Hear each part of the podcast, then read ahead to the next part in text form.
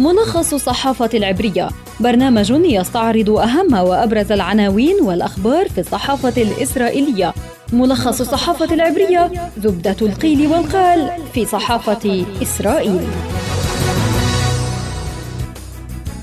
أهلا بكم مستمعينا في ملخص الصحافة العبرية يأتيكم عبر شبكة أجيال الإذاعية. معكم في الإعداد والتقديم خلدون البرغوثي وأستعرض معكم أبرز العناوين في وسائل الإعلام العبرية صباح اليوم.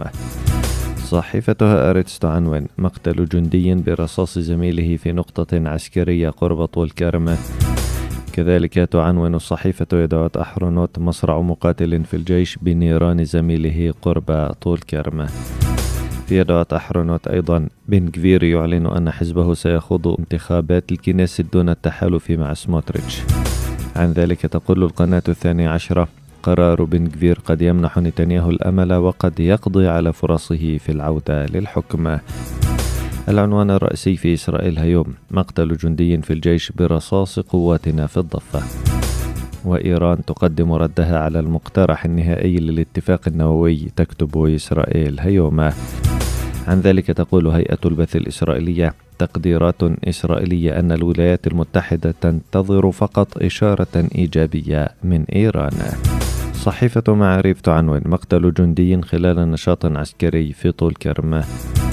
في معارف أيضا مدير حملة نتنياهو السابق يقول إن الأزمة السياسية في إسرائيل بعيدة عن الحل والانتخابات هي تنافس داخل الكتل فقط. موقع والله يكتب جندي يقتل زميله بسبب خطأ في التشخيص.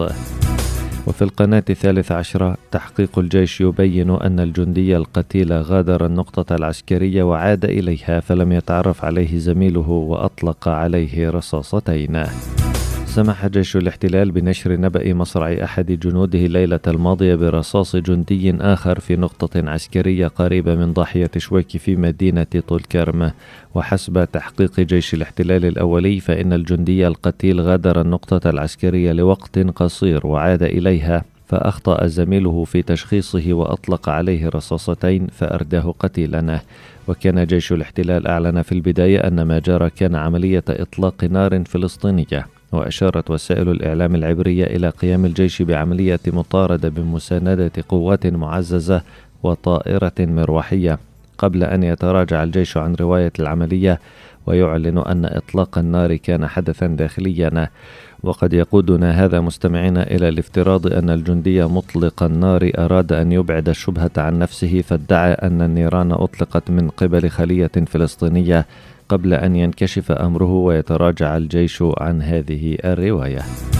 في شأن الانتخابات الإسرائيلية أعلن زعيم حزب قوة يهودية إيتمار بن كفير أنه سيخوض الانتخابات منفردا ودون التحالف مع حزب البيت اليهودي بزعامة بتسل إيل سموتريتش واختلف الاثنان على توزيع مرشحي قائمة الصهيونية الدينية لانتخابات الكنيست ما دفع بن كفير لإعلان استقلاله عن القائمة ويشكل هذا الإعلان مصدر أمل وقلق لبنيامين نتنياهو في الوقت نفسه.